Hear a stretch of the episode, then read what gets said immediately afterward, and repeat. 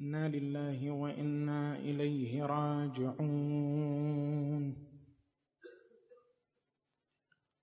صلى الله وسلم عليك. سيدي ومولاي.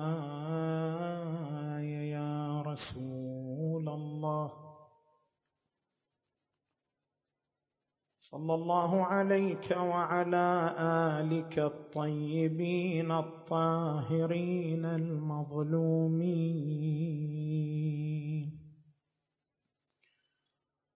لعن الله الظالمين لكم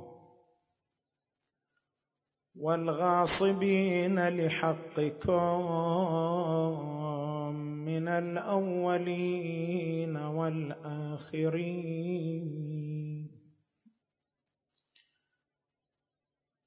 السلام على الإمام أبي الحسن الرضا. السلام على الراضي بالقدر والقضاء. السلام على شمس الشموس وأنيس النفوس. المدفون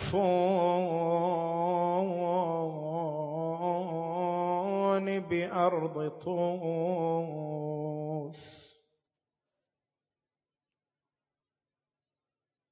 مدارس آيات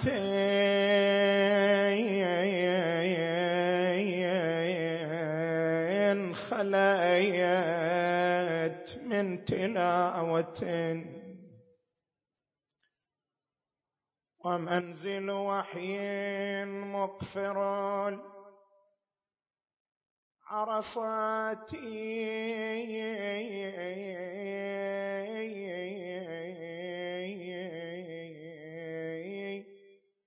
ديار علي والحسين وجعفرين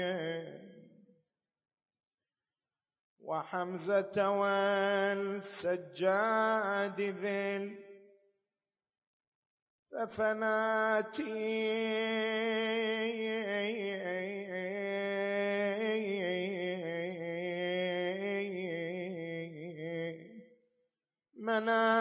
منازل كانت بالصلاة وبالتقى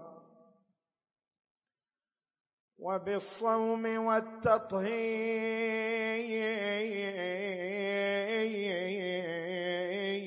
والتطهير والحسنات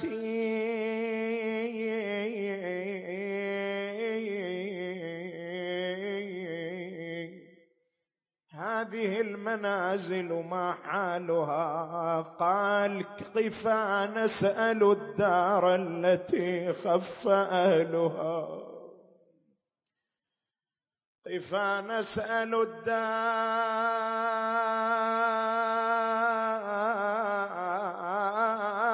التي خف أهلها. متى عهدها بالصيام والصلوات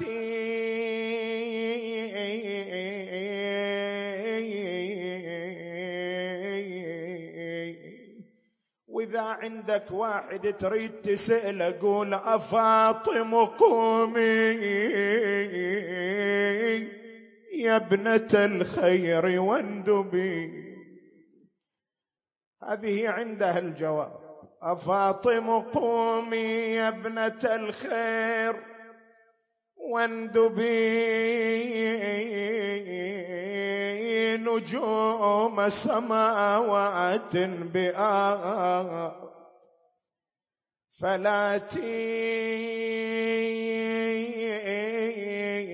قبور بكوفان وأخرى بطيبة وأخرى بفخ لها صلوايا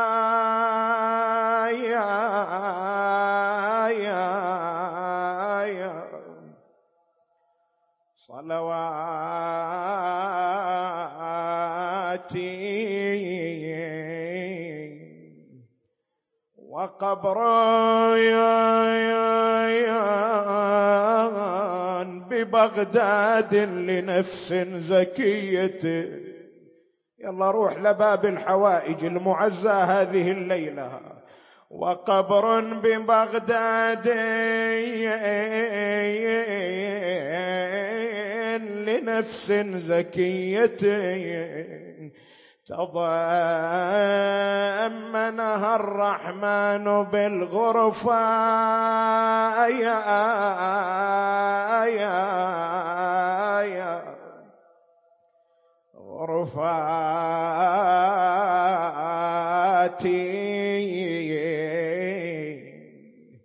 أتأذن لي يا دعبل أن أضيف على قصيدتك بيتا. قال مولاي ذلك يزيدها فضلا وشرفا. قال وقبر بطوس. يا لها من مصيبة. ويلا وقبر بطوس. يا لها من مصيبة. لحت على الأحشاء بيل زفراء تنادي يا ولادي يا ولادي يا ربي وش جرمهم؟ جرمها يا واحد تعمدهم وسمهم. وسمهم وسمهم. واحد سفك بالسيف دمهم.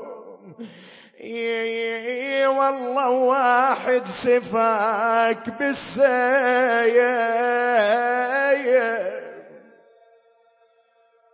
بالسيف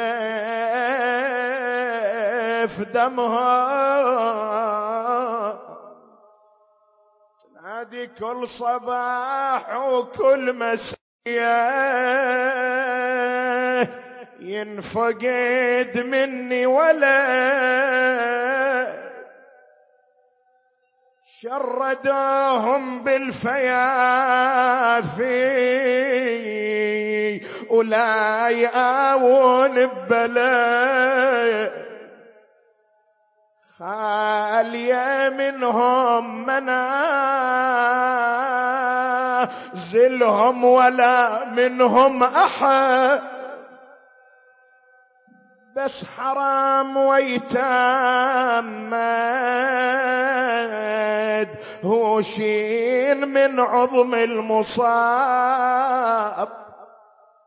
يلا أريد أسمع منك نياحة. بعض عندي بالمدينة وبعضها مو بالبرود وبعض حصل لهم وراء وبعض ما حصل قبور منو هذا كم جسد؟ بالطف عاري وراسن بخطي يدور وكم طفل مرمي بكيت رحسين دامي وكم شباب يلا هالبيتين وياي ومن فعل بغداد ثابت مهجتي وقلب انكسر مهجتي باب الحوايج ضرمي على الجسيم. والمصيبة اللي دهتني بطوس مخسوف البدر عنه بعيد العشيرة. وميت ببلدة جناء إنا لله وإنا إليه راجعون.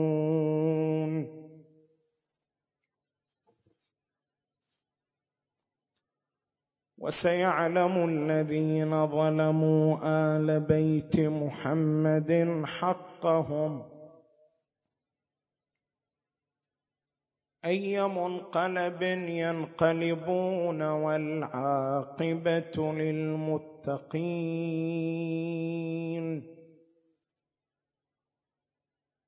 قال سيدنا ومولانا ونبينا ورسولنا الأعظم محمد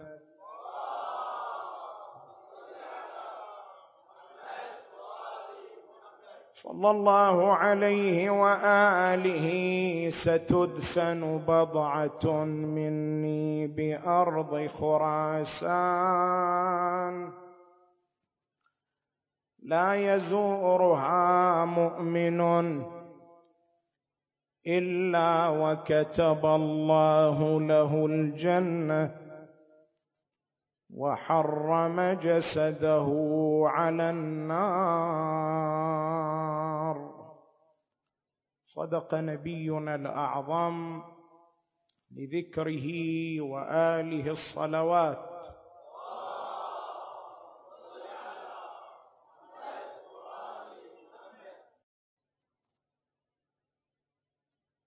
حياة الإمام الرضا صلوات الله وسلامه عليه كحياة غيره من المعصومين صلوات الله وسلامه عليهم. حياة يستطيع أن يقرأها الإنسان من خلال أبعاد متعددة توفرت عليها. ولكن لو أراد الإنسان أن يقف عند مجموع هذه الأبعاد كما نعلم ذلك جميعا ما كان يمكن أن يتسع المجال لذلك في مجالس معدوده ومحدوده لذلك فإننا نركز على جانبين من جوانب حياة الإمام الرضا صلوات الله وسلامه عليه. الجانب الأول الجانب العلمي والجانب الثاني الجانب الاخلاقي عندما نأتي إلى الجانب الأول وهو الجانب العلمي أيضا أنتم تعلمون بأن الجوانب العلمية أو الحياة العلمية عند كل عالم وإن لم يكن هذا العالم معصوما تكون لها أبعاد مختلفة. فقد يتجلى الجانب العلمي عند عالم من خلال مؤلفاته مثلا. وقد يتجلى الجانب العلمي عند عالم آخر من خلال كثرة تلامذته. وقد يتجلى الجانب العلمي عند شخص ثالث من خلال الأجوبة العلمية التي يطرحها ويذكرها وهكذا. كل حياة علمية لها أبعاد لها تجليات. والإمام الرضا صلوات الله وسلامه عليه عندما يتناول الإنسان حياته العلمية يقف على تجليات متعددة ولكن نحن نقتصر على واحد من هذه التجليات وهو جانب الاحتجاج والمناظرة عند الإمام الرضا عليه السلام. من جملة الأشياء أو من جملة الخصائص التي تكاد تميز حياة الإمام الرضا عليه السلام عن بقية المعصومين عليهم السلام فيما يرتبط بالحياة العلمية هو توفرها على الاحتجاج والمناظرة بالشكل الأكبر والأكثر. يعني لما تأتي لحياة الإمام الصادق عليه السلام هي حياة علمية محضة ولكن جانب المناظرة فيها ليس هو الجانب الأبرز. جانب الأبرز كثرة التلامذة كثرة الروايات كثرة الأحاديث بحيث أن المنظومة العلمية الفكرية العقائدية الشيعية أكثرها مبنية على روايات واردة من جهة الإمام الصادق عليه السلام. لكن لما تجي إلى حياة الإمام الرضا الامام الرضا وإن لم ترد عنه من الروايات بمقدار ما ورد عن الإمام الصادق لكن لمع بعد آخر في حياة الإمام الرضا وهو بعد الاحتجاج والمناظرة. فتوفرت حياة الإمام الرضا على جانب الاحتجاج والمناظرة أكثر من غيره من بقية المعصومين. وطبعا هذا يعود إلى الظروف التي حاطت بحياة الإمام عليه السلام بحيث سنحت له الفرصه للمناظرة والاحتجاج وما سنحت الفرصه لغيره بمقدار ما سنحت له. طيب هذا البعد أو هذه الظاهرة اللامعة في حياة الإمام الرضا عليه السلام عندما نقف عندها نقول كيف استفاد الإمام صلوات الله وسلامه عليه من فرصة الاحتجاج والمناظرة. في الواقع الإمام استفاد من هذه الفرصة من خلال أربعة مسارات. المسار الأول الاحتجاج والمناظرة لإثبات عقيدة التوحيد ونفي عقيدة الشرك. والإمام صلوات الله وسلامه عليه له مناظرات عديدة كلها من أجل حفظ عقيدة التوحيد ومحاربة العقائد الأخرى التي تتصادم مع عقيدة التوحيد ومن جملتها عقيدة التثليث. فكانت للإمام عليه السلام مناظرات مع من يعتقدون من المسيحيين بعقيدة التثليث ويعتقدون أن المسيح عليه السلام هو ابن الله. فورد أن الإمام الرضا عليه السلام قال لابن قره النصراني قال له يا ابن قره ما قولك في المسيح؟ قال أقول إنه من الله. التفت إليه الإمام الرضا عليه السلام. قال له وما مقصودك من قولك إنه من الله؟ فإن من على أربعة وجوه لا خامس لها. فإن أردت من قولك من بأنه من الله بأنه كالبعض من الكل فقد كان مبعضا. وإن أردت من قولك من بأنه كالخل من الخمر فلا يكون ذلك إلا على سبيل الاستحاله وإن أردت من قولك من بأنه كالولد من الوالد فلا يكون ذلك إلا على سبيل المناكحة. وإن أردت من قولك من بأنه كالصنعة من الصانع فلا يكون ذلك إلا على سبيل المخلوق والخالق فقطع الكلام على النصراني ولم ينبس ببنت شفة. إمام الرضا صلوات الله وسلامه عليه بهذا البرهان العقلي. قال للنصراني أنت عندما تقول تعتقد بأن المسيح عليه السلام هو ابن الله وتقول بأن المسيح من الله نسألك من يعني ماذا؟ من لها أربعة وجوه. إما أن تكون من على سبيل التبعيض إما أن تكون قد أردت من كالبعض من الكل. تقول لما تغترف من الماء هذا الماء من النهر مثلا أو هذا الماء من الساقية. هذه المن من تبعيضية يعني هذا بعض هذا. فلما تقول بأن المسيح من الله إذا أردت من من انه كالبعض من الكل فقد كنت مبعضا. يعني الله له جزءان جزء هو وجزء آخر هو المسيح عليه السلام. فالمسيح هو بعض الله وهذا أنت لا تلتزم به فهذا الاحتمال يبطل. وإما أن يكون مقصودك من من ما يكون كالخل من الخمر. الخل من الخمر شلون انت تقول الخل من الخمر؟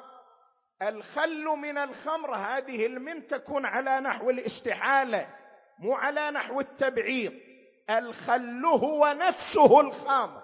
غاية ما في الأمر أنه بسبب عوامل معينة تغيرت حقيقته تغيرت ماهيته فتحول إلى شيء آخر وإلا هو نفسه الخمر. لا انه بعضه وإنما استحال إليه.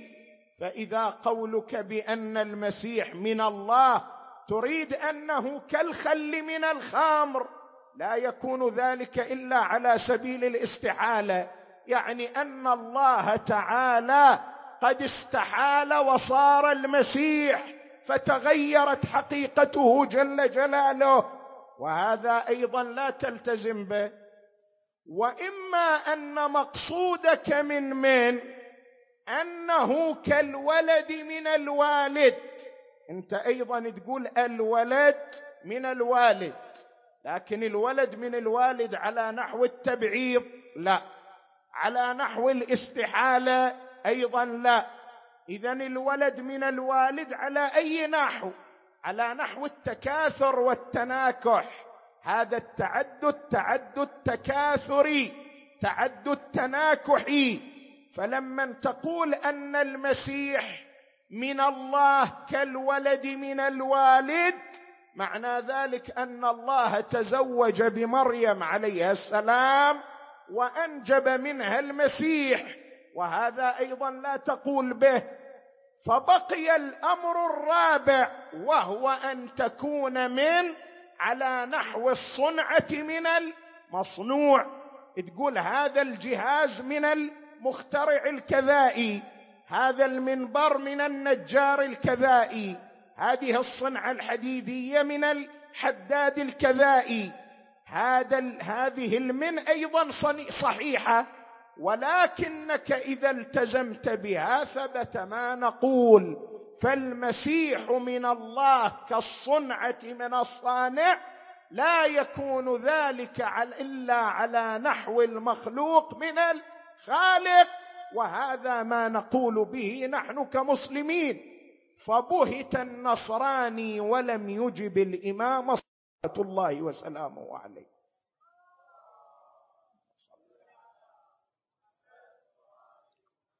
هذا مسار أول. المسار الثاني الذي استفاد الإمام الرضا صلوات الله وسلامه عليه من فرصة الاحتجاج والمناظرة فيه المناظرة والاحتجاج من أجل إثبات الشريعة الإسلامية الغراء. فكانت للإمام الرضا صلوات الله وسلامه عليه مناظرات احتجاجية دفع من خلالها الشبهات عن الإسلام وثبت الشريعة الإسلامية التي حاولت المذاهب الأديان الأخرى أن تتحداها وأن تواجهها. كان الجاثليق يطرح شبهه على علماء المسلمين فما كانوا يجيبون عنها.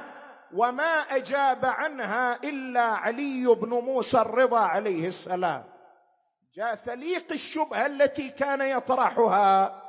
كلما اجتمع بعالم من علماء الإسلام قال له نحن وإياكم قد اتفقنا على نبوة عيسى عليه السلام وكتابه وأنه حي في السماء. واختلفنا في نبوة محمد صلى الله عليه وآله واتفقنا على موته. اذا إحنا بيننا نقاط اختلاف بيننا نقاط اتفاق. نقاط الاختلاف نبوة النبي صلى الله عليه وآله. نقاط الاتفاق أن عيسى نبي وأن هذا النبي لا زال ماذا؟ حيا باعتبار أن محمدا بالاتفاق قد مات.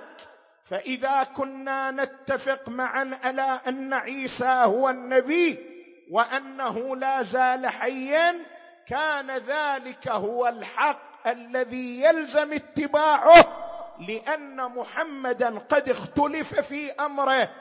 فما كانوا يستطيعون أن يجيبوا عن هذه الشبهة التي كان يطرحها الجاثلي فعلم الإمام الرضا عليه السلام بذلك فطلب أن يأتوا له به فجيء له به فقال له يا ابن موسى أتقر بنبوة عيسى؟ قال بلى. قال أتقر بكتابه؟ قال بلى. قال إذا نحن اتفقنا على نبوة عيسى واختلفنا في نبوة محمد فالحق ما تم الاتفاق عليه فلزمتك متابعتي. التفت له الإمام الرضا. قال له أنا أقر بعيسى وكتابه وما بشر به أمته وآمن به الحواريون. وأنكر كل عيسى لم يؤمن بنبوة محمد ولم يبشر به أمته. شنو معنى كلام الإمام؟ يقول الإمام عليه السلام أنت استدلالك الذي أسكت به بقية أعلام المسلمين إنما كان على نحو المغالطة. أنت جعلت بيننا وبينك نقطة اتفاق والحال أنه لا يوجد اتفاق. هذا أول الكلام. لأن عيسى الذي أنت تؤمن بنبوته هو عيسى الذي لم يقر بنبوة محمد. بينما عيسى الذي نحن نؤمن بنبوته هو عيسى الذي ماذا؟ أقر بنبوة محمد. وبشر بها أمته. اذا ليس بيننا وبينك اتفاق. فهذه مغالطة. كشف الإمام زيفها فبهت ذلك النصراني ولم يجب. فبادره الإمام بضربة قاصمه أنقض بها ظهره. قال له يا نصراني يا أخ النصارى أنا انما امنا بنبوه محمد.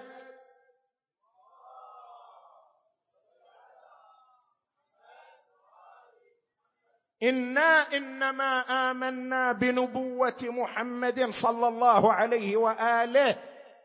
وانكرنا نبوه عيسى الذي لم يقر بمحمد لقلة في صلاته وصيامه. هذا بهت. كيف؟ كيف يتهم عيسى عليه السلام بأنه كان قليل الصلاة والصيام؟ والحاله هذه كانت محاولة استدراج من الإمام. فقال له إن عيسى كان يصوم لي يصوم نهاره ويقوم ليله. فكيف تقول بأنه كان قليل الصلاة والصيام. قال يا أخ النصارى فلمن كان يصلي ويصوم؟ فسكت النصراني ولم يجب وأسلم على يد الإمام الرضا عليه السلام ودفع الله شبهة غائلة النصارى عن الإسلام ببركة عالم آل محمد.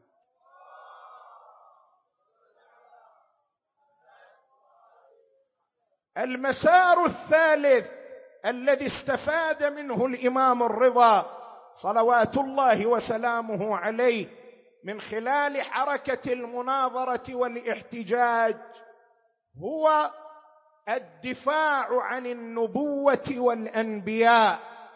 وعندما تراجع ما ورد عن الإمام الرضا عليه السلام من المناظرات تجد أن الإمام الرضا ركز على دفع الشبهات عن الأنبياء بكل قوة والكثير من الآيات المتشابهة التي استغلها خصوم الدين من أجل تشويه صورة الأنبياء إنما بين المقصود منها وجلاها الإمام علي بن موسى الرضا من خلال مناظراته صلوات الله وسلامه عليه. فلما عقدت المناظرة في مجلس المأمون حول الأنبياء وطرحت الآيات المتشابهة على الإمام الرضا ومنها قوله تعالى فوكزه موسى فقضى عليه قال هذا من عمل الشيطان هذه التي يتشبث بها غير الشيعة على أن الأنبياء يمكن أن يسيطر عليهم الشيطان ولو في لحظة من اللحظات ويضلهم فيما سوى التبليغ ويحتجون بهذه الآية فوكزه موسى فقضى عليه قال هذا من عمل الشيطان. لما طرحت الآية على الإمام الرضا عليه السلام قال لقد دخل موسى على نبينا وآله وعليه أفضل التحية والسلام على مدينة من مدائن فرعون فوجد رجلين يقتتلان. وهذا ما صرح به القرآن. رجل من شيعته ورجل من عدوه فاستغاثه الذي من شيعته. فأمره الله تعالى أن ينصره فقام بقتل من كان من عدوه فلما قتله قال هذا من عمل الشيطان وقصد بذلك الاقتتال ولم يقصد قتله. الإمام الرضا أوضح نقطة قد تكون خفية أنت الآن عندما تقرأ الآية المباركة فوكزه موسى فقضى عليه. قال هذا من عمل الشيطان. هذا اسم إشارة. اسم إشارة إلى ماذا؟ المشار إليه ما هو؟ كما يحتمل أن يكون المشار إليه هو القتل. يحتمل أن يكون المشار إليه هو ماذا؟ الاقتتال بين الطرفين. قال هذا من عمل الشيطان. إنه عدو مضل مبين. فأوضح الإمام عليه السلام ما يدفع الشبهة عن موسى صلوات الله وسلامه عليه ولولاه لعل هذا يكون خفيا على غيره. كذلك أيضا عندما جاء إلى الآية المباركة ولقد همت به وهم بها لولا أن رأى برهان ربه طرحت هذه الآية على الإمام الرضا عليه السلام في مقام المناظرة وبأن يوسف عليه السلام قد هم والعياذ بالله بالمعصية والزنا. فأجاب الإمام الرضا قال ولقد همت به أي همت بالفاحشة وهم بها أي هم بقتلها لولا أن رأى برهان ربه. تالي الآية فيها شاهد على ذلك. كذلك لنصرف عنه السوء والفحشاء. لو كانت فقط قضية الهم قضية فاحشة لقال القرآن كذلك لنصرف عنه فحشاء ليش جاب السوء؟ إشارة إلى وجود شيئين في البين. أحد الشيئين هو الفحشاء والآخر ماذا؟ هو القتل. لأنه لولا أن رأى برهان ربه لقتلها ولو قتلها لوقع في السوء. ولكن الله كما دفع عنه السوء الفحشاء دفع عنه السوء. وقد أوضح ذلك مولانا علي بن موسى الرضا عليه السلام. كذلك لنصرف عنه السوء والفحشاء إنه من عبادنا المخلصين. إذا كنت تقرأ ذيل الآية وأن الله وأن يوسف عليه السلام من عباده المخلصين اذا هو مخلص لله والمخلص لله لا سبيل للشيطان عليه. فكيف يهم بالفاحشة؟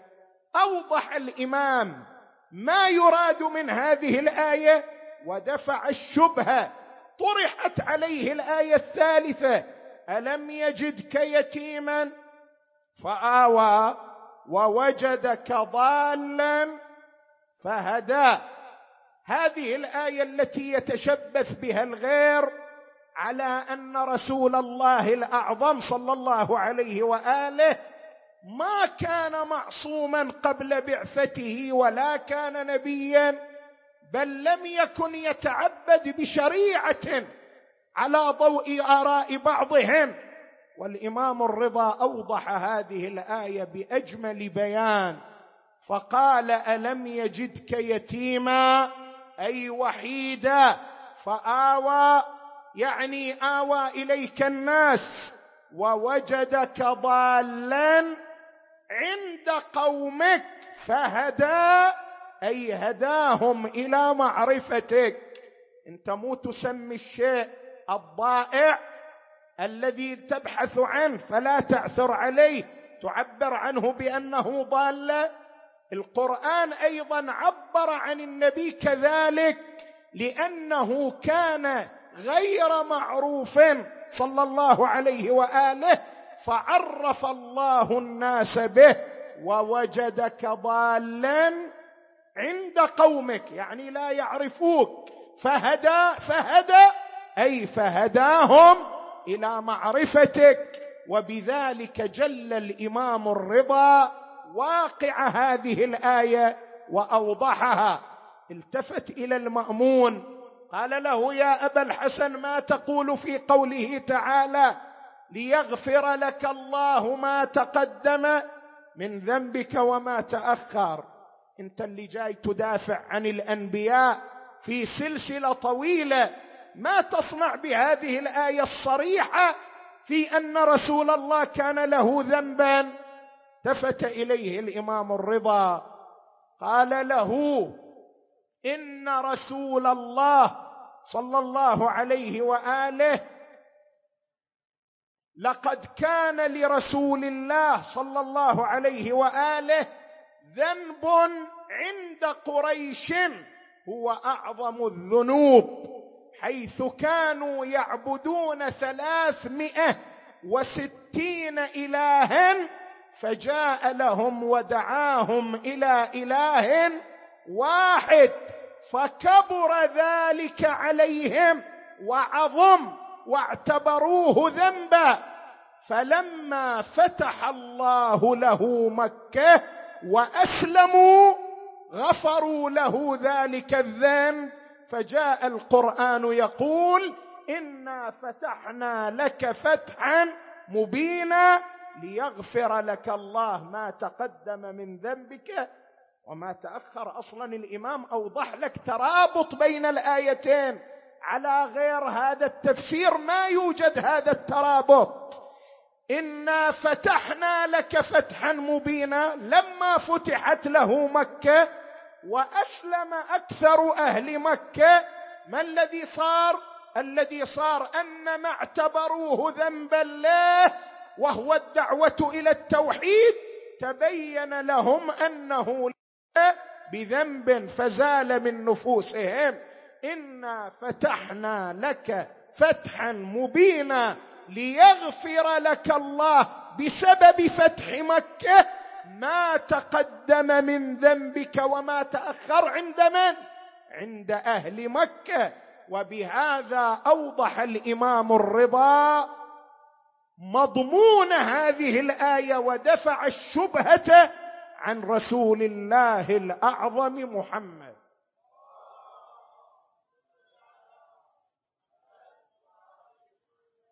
المسار الرابع من المسارات التي استفاد منها الإمام الرضا عليه السلام أو استفاد من حركة المناظرة والاحتجاج فيها هو مسار الدفاع عن الإمامة والإمام.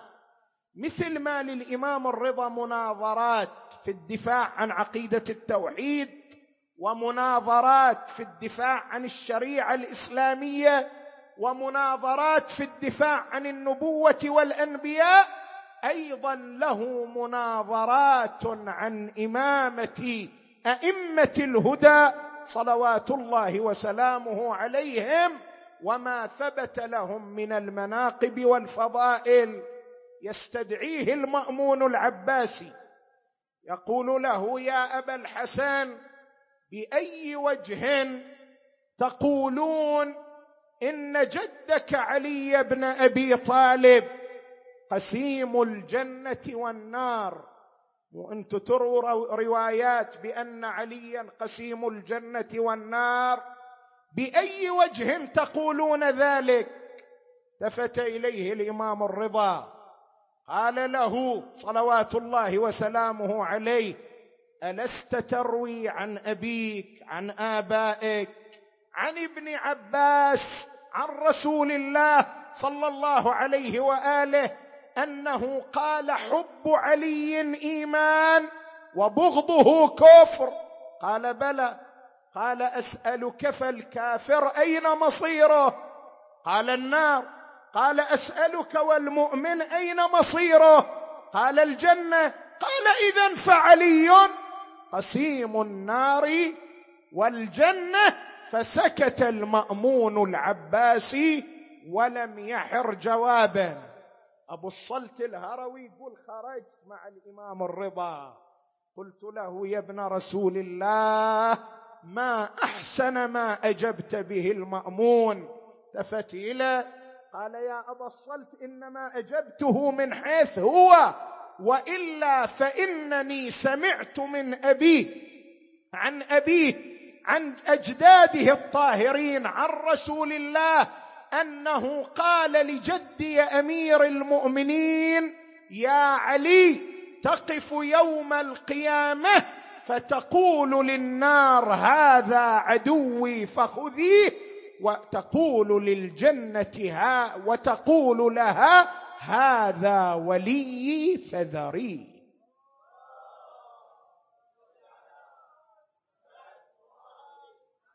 اذا الإمام الرضا صلوات الله وسلامه عليه الجانب العلمي تجلى في حياته المباركة من خلال مناظراته من خلال احتجاجاته ولذلك عرف في أوساط المسلمين بلقب تميز به وهو لقب عالم آل محمد.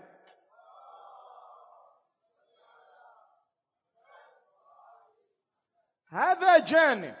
الجانب الآخر الذي نقف عنده في حياة الإمام الرضا عليه السلام ومن خلال كلمات الإمام الرضا هو الجانب الأخلاقي.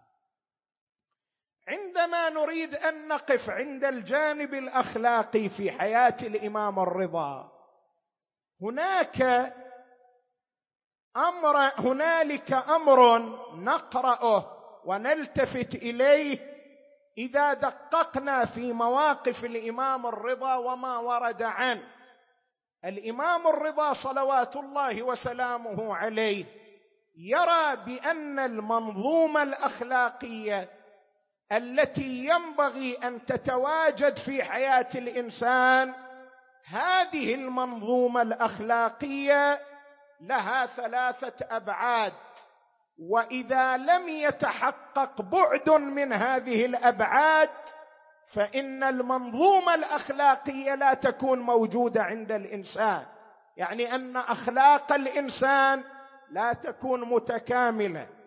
هذه الأبعاد الثلاثة ما هي؟ اولا أخلاقية تعامل الإنسان مع الله.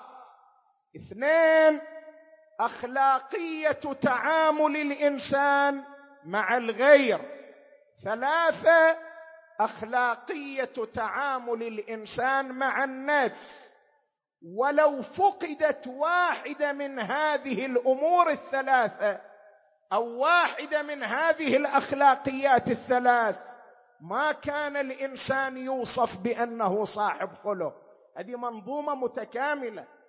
شوف أنت من جملة الأخلاقيات في التعامل مع الله الورع. الورع صفة أخلاقية يتكامل بها الإنسان فيما بينه وبين ربه. لما نجي إلى مثلا أخلاقية تعامل الإنسان مع الغير من جملة الأخلاقيات التواضع للغير. لما نجي إلى أخلاقية تعامل الإنسان مع نفسه من جملة الأخلاقيات في تعامل الإنسان مع نفسه تربية نفسه على عدم الغرور وعلى عدم العجب. لما نجي أنت ترفع يدك عن واحدة من هذه الأخلاقيات المنظومه الأخلاقية تكون ناقصة. لو كان الإنسان متواضعا وكان أيضا غير مغرور لكنه ما كان ورعا عن الحرام. أخلاقه كانت ناقصة. لو كان الإنسان متورعا لكنه مثلا كان عنده بعض الغرور في حياته أخلاقه أيضا كانت ناقصة.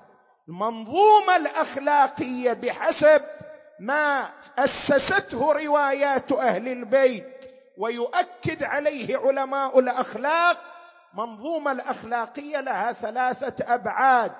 أخلاقية تعامل الإنسان مع ربه أخلاقية تعامل الإنسان مع الغير أخلاقية تعامل الإنسان مع نفسه.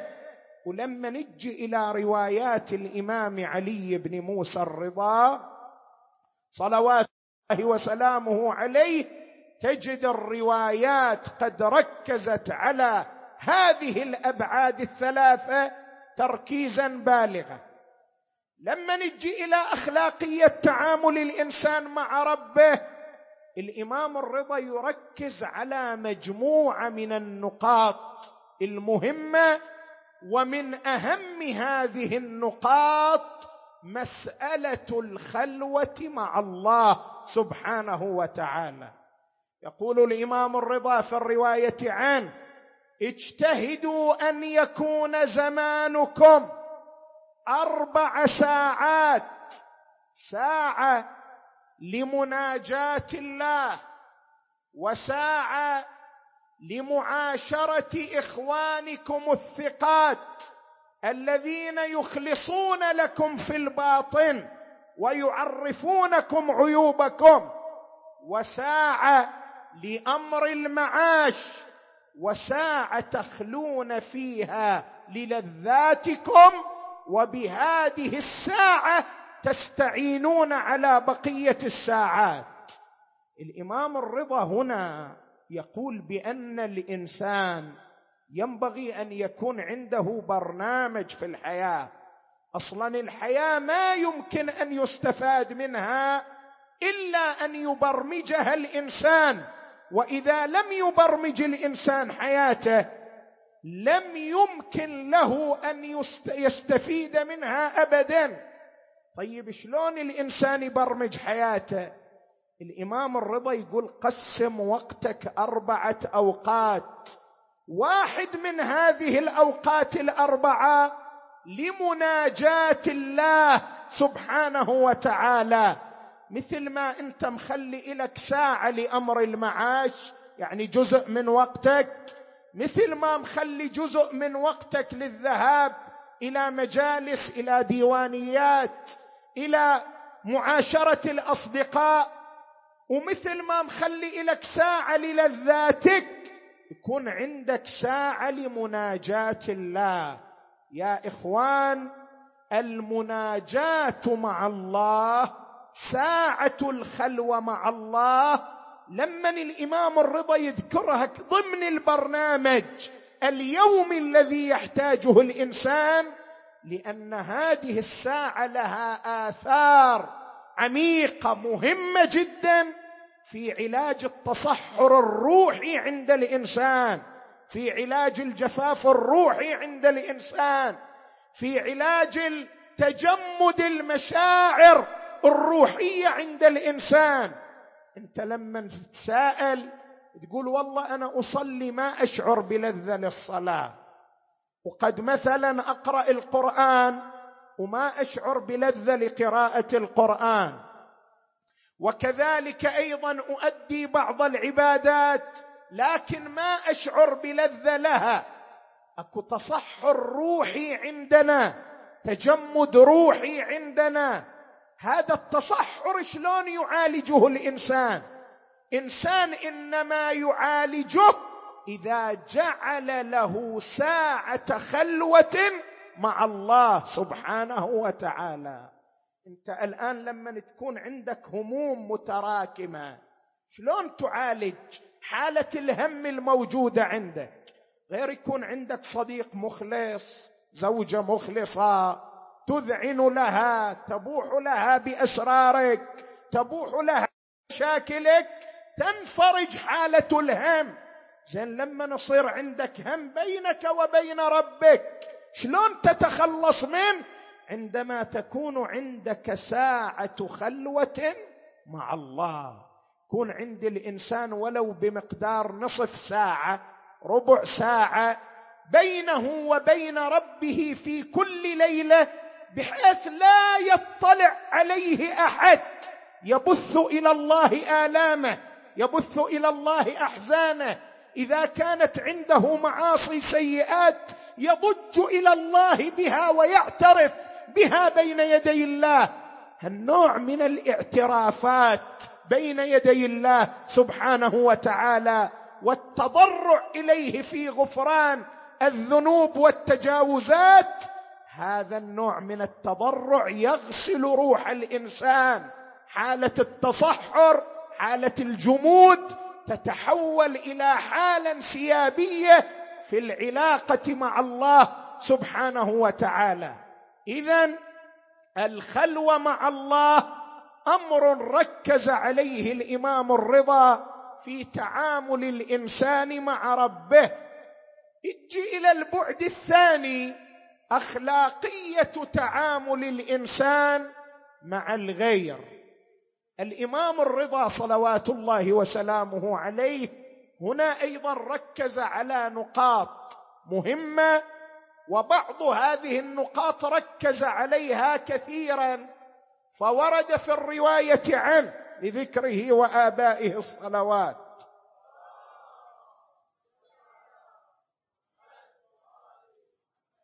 قال إن الله قرن ثلاثة بثلاثة. قرن الصلاة بالزكاة.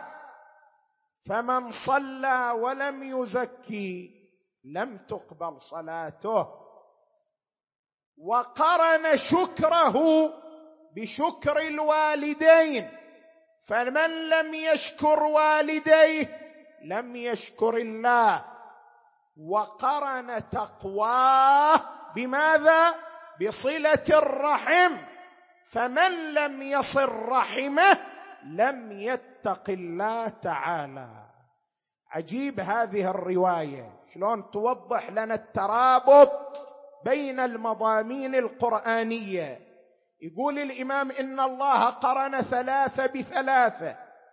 قرن الصلاة بماذا؟ بالزكاة. أقيموا الصلاة وآتوا زكاه فمن لم يصلي فمن لم يزكي لم تقبل صلاته لأنها مقترنة بالزكاة. وقرن شكره بشكر الوالدين. أن اشكر لي ماذا؟ ولوالديك. فمن لم يشكر والديه ماذا؟ لم يشكر الله لأنهما مقترنان. وقرن صلة وقرن تقواه بصلة الرحم. واتقوا الله الذي تساءلون به والأرحام. فمن لم يصل رحمه لم يتق الله. هنا الإمام عليه السلام يركز على أخلاقية التعامل مع الغير. المسألة ليست مسألة تعامل مع الله فقط. المسألة مو مسألة خلوة مع الله فقط. أيضا مسألة تعامل مع الغير بدخيله في تكوين المنظومة الأخلاقية للإنسان. تعامل مع الغير إذا كان هذا الغير رحما لا بد من صلته وإلا لم تتحقق التقوى. إذا كان هذا الغير والدا لا بد من شكره وإلا لم يتحقق شكر الله. مو تجي تقول والله أنا شلون أشكره يعني؟ شكرا لك؟ لا هي المسألة مو مسألة شكر باللسان. مسألة مقابلة جهوده بما يمكن أن يكون مكافئا ولو قليلا للجهود التي قدمها لأجلك مقابله جهودها جزاها الله خيرا بما يكون مكافئا لبعض جهودها. هذا هو شكر الوالدين. اذا الإمام هنا نبهنا على وجود ترابط بين تعامل الإنسان مع ربه وتعامل الإنسان مع ماذا؟ مع الغير. البعد الثالث أخلاقية تعامل الإنسان مع النفس أيضا هذه محققة للمنظومة الأخلاقية ولتكاملها. ورد في الرواية عن الإمام الرضا عليه السلام قال لا يكمل إيمان عبد. الإيمان شنو هو؟ الإيمان داخل في البعد الأول في علاقة الإنسان مع ربه. لكن شلون يتكامل؟ بالبعد الثالث. لا يتكامل إيمان عبد إلا إذا اكتملت عنده خصال ثلاث التفقه في الدين وحسن التقدير في المعيشة والصبر على الرزايا. ثلاث خصال لتعامل الإنسان مع نفسه إذا تحققت عنده تحققت المنظومة الأخلاقية متكاملة. اولا التفقه في الدين. الإمام الرضا في الرواية عنه عليه السلام يقول تفقهوا في الدين فإن من لم يتفقه في دينه كان ما يخطئه أكثر مما يصيبه فإن الفقه مفتاح البصيره تفقه في الدين مو معناه فقط معرفة حلال وحرام. تفقه في الدين معناه فهم الدين بحلاله بحرامه بعقائده. مثل ما انت عندك وقت لوظيفتك وعندك وقت آخر أيضا للجلوس مع عيالك. وظيفة لازمة عليك. وظيفة التفقه في الدين. وإنت يوم القيامة مسؤول اولا واخرا عما يرتبط بمسألة التفقه. بكرة إنت لما تجي يوم القيامة مو مسؤول بالدرجة الأولى عن الوظيفة لكن مسؤول عن صلاتك أنها على طبق الحكم الشرعي أو لا. مسؤول عن وضوءك مسؤول عن غسلك مسؤول عن معاملاتك. أنها على طبق الحكم الشرعي أو لا. مسؤول عن عقائدك أيضا. أنها عقائد صحيحة أو أنها عقائد مشوبة بالباطل والضلال. اذا لا يكمل إيمان عبد إلا بالتفقه في الدين. وماذا؟ إلى جانبه حسن التقدير في المعيشة. عندما ينعم الله تعالى عليك بنعمة فعليك أن تحسن تقديرها.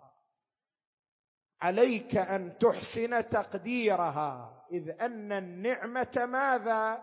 كما ورد في رواية أخرى عن الإمام الرضا النعمة وحشية فأحسنوا جوارها ما نأت عن قوم وعادت إليهم أبدا. عندها نفرة إذا عوملت معاملة خاطئة. صار عندنا حالة من الإسراف والتبذير في حفلاتنا في زواجنا في مناسباتنا. إذا لم نحسن جوار النعمة فإنها وحشية إذا فرت لا تعود أبدا. هذا أمر يعود إلى تعامل الإنسان مع نفسه. لكنه مرتبط بماذا؟ بتعامله مع ربه. اذا المنظومة الأخلاقية التي يصورها لنا الإمام الرضا منظومة لها أبعاد ثلاثة بالبيان الذي أوضحناه وبذلك أوضح الإمام الرضا عليه السلام ما يرتبط بأخلاق الإنسان كما أوضح ما يرتبط بدينه ومبدئه ومعاده ومنتهاه فكان عالم آل محمد الذي يفيض علما ويفيض معارف. ولذلك المأمون العباسي كان يتحين الفراس من أجل القضاء على هذه الروح المتوهجة لأنه رفع رايات الحق ورفع راية الإسلام ورد كيد المعتدين فكان المأمون يتحين الفرصه إلى أن دعا الإمام الرضا يوما من الأيام. الإمام الرضا التفت إلى صاحبه ابي الصلت الهروي قال له يا أبا الصلت إني داخل على هذا الطاغية. أنا مدعو عند المأمون. إني داخل على هذا الطاغية. فإن خرجت منه وأنا مكشوف الرأس فكلمني. وإن خرجت منه وأنا مغطى الرأس فلا تكلمني فإنني مشغول بنفسي. يقول أبو الصلت الهروي جاء الإمام الرضا دخل على المأمون قدم إليه عنبا ورمانا قد دس إليه السم من خلاله. الإمام الرضا بأبي وأمي أبى أن يأكل اولا. قال له أو تشك فينا يا أبا الحسن؟ قال لا فتناول بعض حبات العنب والرمان. وإذا به كأن السوم يقطع كبده المباركه فصار يشعر كان كبده تقطع بالمواس وتشرح بالسكاكين أمام مناد وإماما. يقول أبو الصلت الهروي كنت واقفا عند الباب فخرج مولاي الرضا فوجدته مغطى الراس. فعلمت بأنه مشغول بنفسه بأبي وأمي.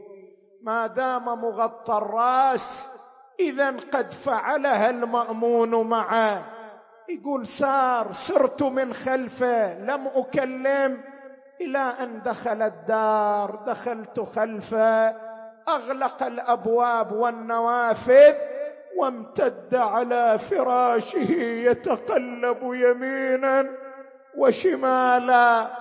أقول لك ترى شيعي موالي إمامك الرضا. انت تسلم عليه دائما تقول السلام على غريب الغرباء. شلون غريب الغرباء؟ ترى الإمام الرضا لما دخل الدار ما كان بأبي وأمي أحد معها ما كان هنالك أحد من أهله معه. فقط هو أبو الصلت الهروي وياه. إذا الإمام بأبي وأمي غريب وحيد أمام مناد وإماماه وغريبا يقول أبو الصلت الهروي صار يجود بنفسه ويتقلب على فراشه.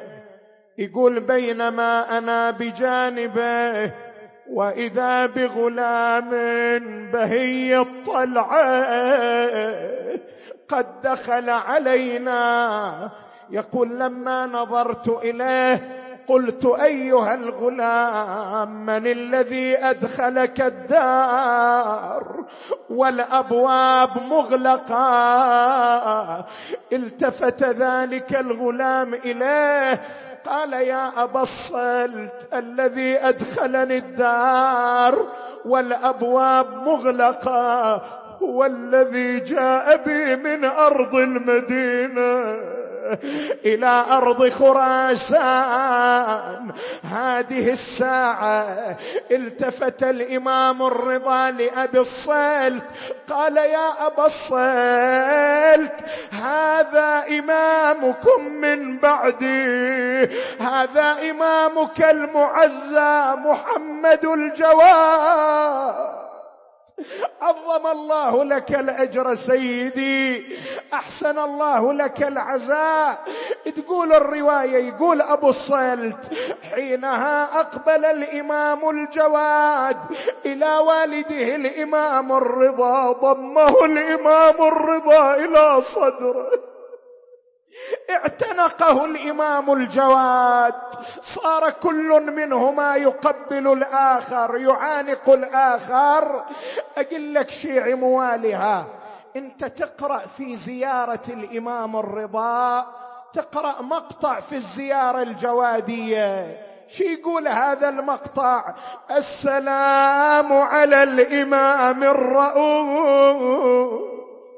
يلا وجه قلبك إلى غريب الغرباء خل نقرأ هذا المقطع. السلام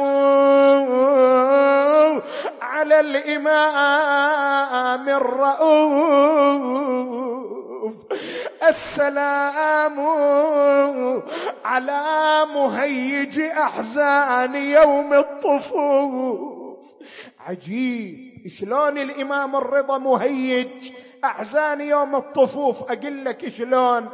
التفت إلى ولده الجواد قال بني محمد أنزلني من على فراشي. قال له أبا تتقلب يمينا وشمالا من شدة حرارة السوم. لم تطلب مني أن أنزلك عن فراشك؟ قال بني بني أريد أن أموت وخدي على التراب كما مات جدي الحسين.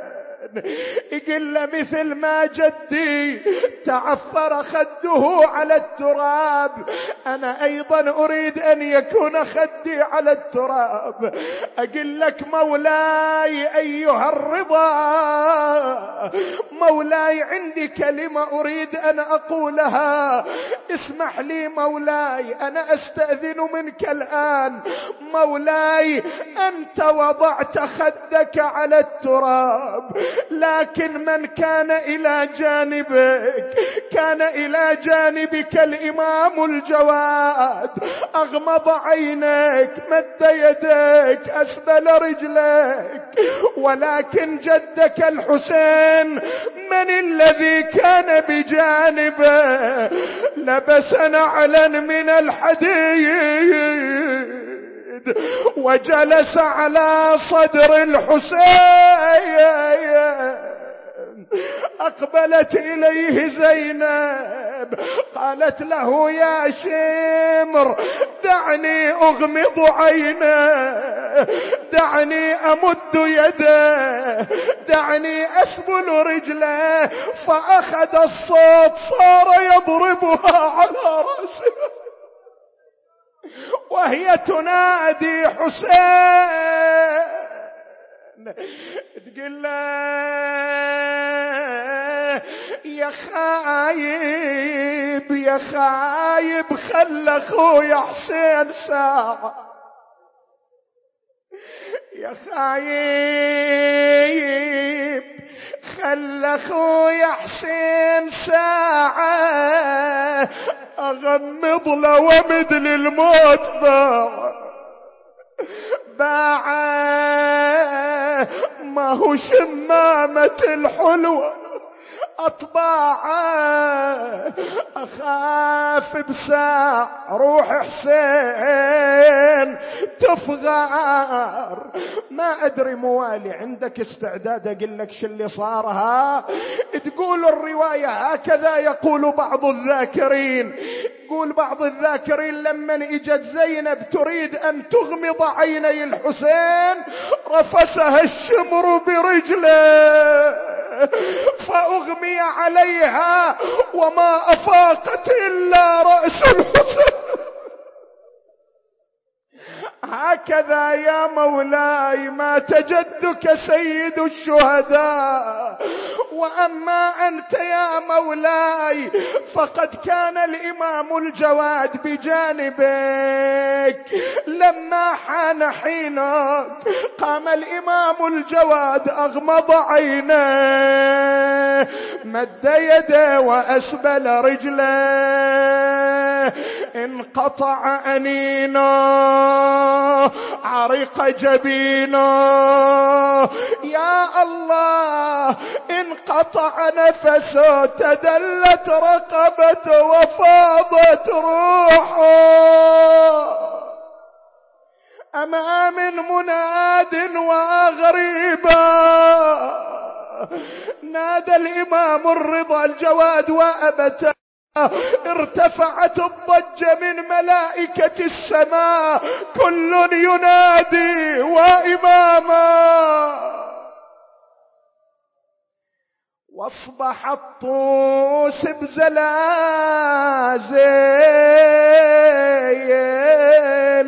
والخلق كلها بعوي لجل بن موسى تزلزل. يا خلق عرش الجليل والأعلام السود شراها ومدامعهم تسيل ارتجت السبع العلية وبالأرض صار انقلاب. يلا بيتين الدعاء وقام شبلة يغسله والدمع من عينه ما ومدد على المغتسل